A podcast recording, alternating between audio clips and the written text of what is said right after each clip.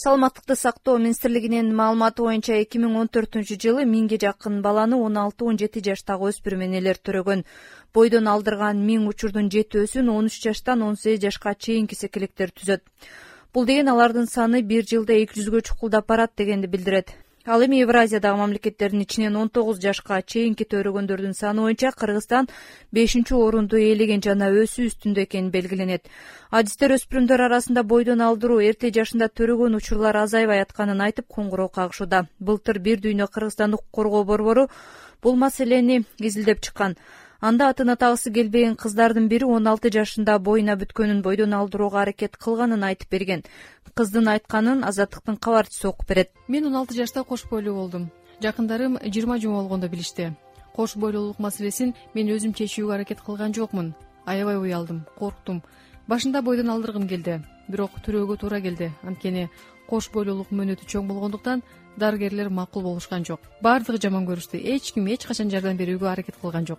Кыргызстанда сойкулукту кадыресе жумуш көрүп ушул менен акча тапкан үч жарым миң кыз келиндер расмий каттоодо турса алардын арасында да өспүрүм кыздар жок эмес. Ички иштер башкармалыгынын адам сатууга каршы күрөшүү жана адеп ахлак башкармалыгынын башчысы саламат адыловдун белгилешинче жыл башынан бери эле жашы жете элек кыздарды сойкулукка тартуу фактысы боюнча төрт кылмыш иши козголуп үч киши камакка алынган өспүрүмдөрдү мына чыгарып атабыз выявлять этип атабыз. Мына жылдын башынан бери мына тиш төрт кылмыш иши козголду. Төрт кылмыш иш боюнча үч киши камакта жатат азыр. Бирөөсү подпискага чыкты. Март айынын башында өткөн аялдардын улуттук форумунда экс президент роза отунбаева бишкектеги ар бир алтынчы жетинчи өспүрүм кыз он төрт жаштан баштап жыныстык катнашка бараарын белгиледи. Өспүрүм куракта өзгөчө. Кооптуу кырдаал түзүлүүдө өспүрүм кыздарда эрте сексуалдык жашоонун эрте кош бойлуулуктун жана боюнан алдыруунун өсүшү жүрүп жатат.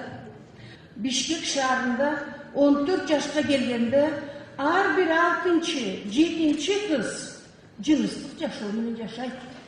Он он биринчи класстардын окуучулары бойдон алдыруунун зыянын жана анын кесепеттери жөнүндө билбейт өспүрүмдөр менен иштей турган акушер гинекологдор кыргызстанда жок экенин белгилеген биринчи айым раиса атамбаева бул маселени өз көзөмөлүнө ала турганын айткан эле.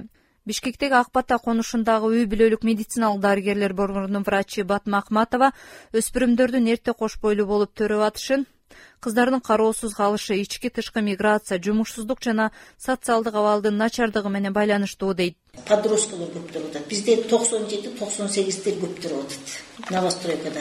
Без внимания родителей ата энесинин эмеси ата энеси керелден кечке базарда же болбосо россияга кеткен казакстанга кеткен иштеген кеткендер назары бетке. Союз мезгилинде мектептерде ар ай сайын женсовет башкача айтканда атайын кеңеш иштей турганы алар кыздарга ар кандай кеңеш бергенден баштап тартип бузгандарды какус кукус кылганга чейин барышчу.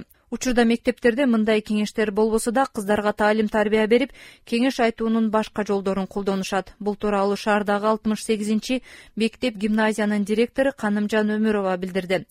Анын белгилешинче өспүрүм кыздардын ар кандай терс көрүнүштөргө аралашуусу үй бүлөдөгү тарбияга тыгыз байланыштуу женсовет деген баягы совет мамлекетинин жоголуусу менен кошо жоголгон женсовет деген. Жок анан азыр эми биз кыздар менен өзүнчө анан кыздардын ата энеси менен биз өтө тыгыз иштейбиз. Үй бүлөдөгү ата энелер тарабынан кыздарына э, берилген тарбиянын жетишсиздиги деп ойлойм. Баланын ички дүйнөсүн түшүнүп сүйлөшүп ошого э, кеңешчи болуш керек да эне дегенчи. Мына ошол э, немени озипаны аткара албагандыгы эненин ушул э, балдардын ички дүйнөсү баягы эч ким кызыкпастан өзүнүн жаңгыз калганы анан жанагындай ар түрдүү айлана чөйрөдөгү туура эмес таасирлерге берилип кетип ошого э, баш коюп калгандыгы деп ойлойм да. Айрымдар бул көтөрүлгөн маселелерде балдарын тарбиялабаган ата энени өзгөчө энелерди күнөөлөшөт кээ бирлери бешиктен бели чыга элек эне сүтү оозунан кете элек секелекти алдап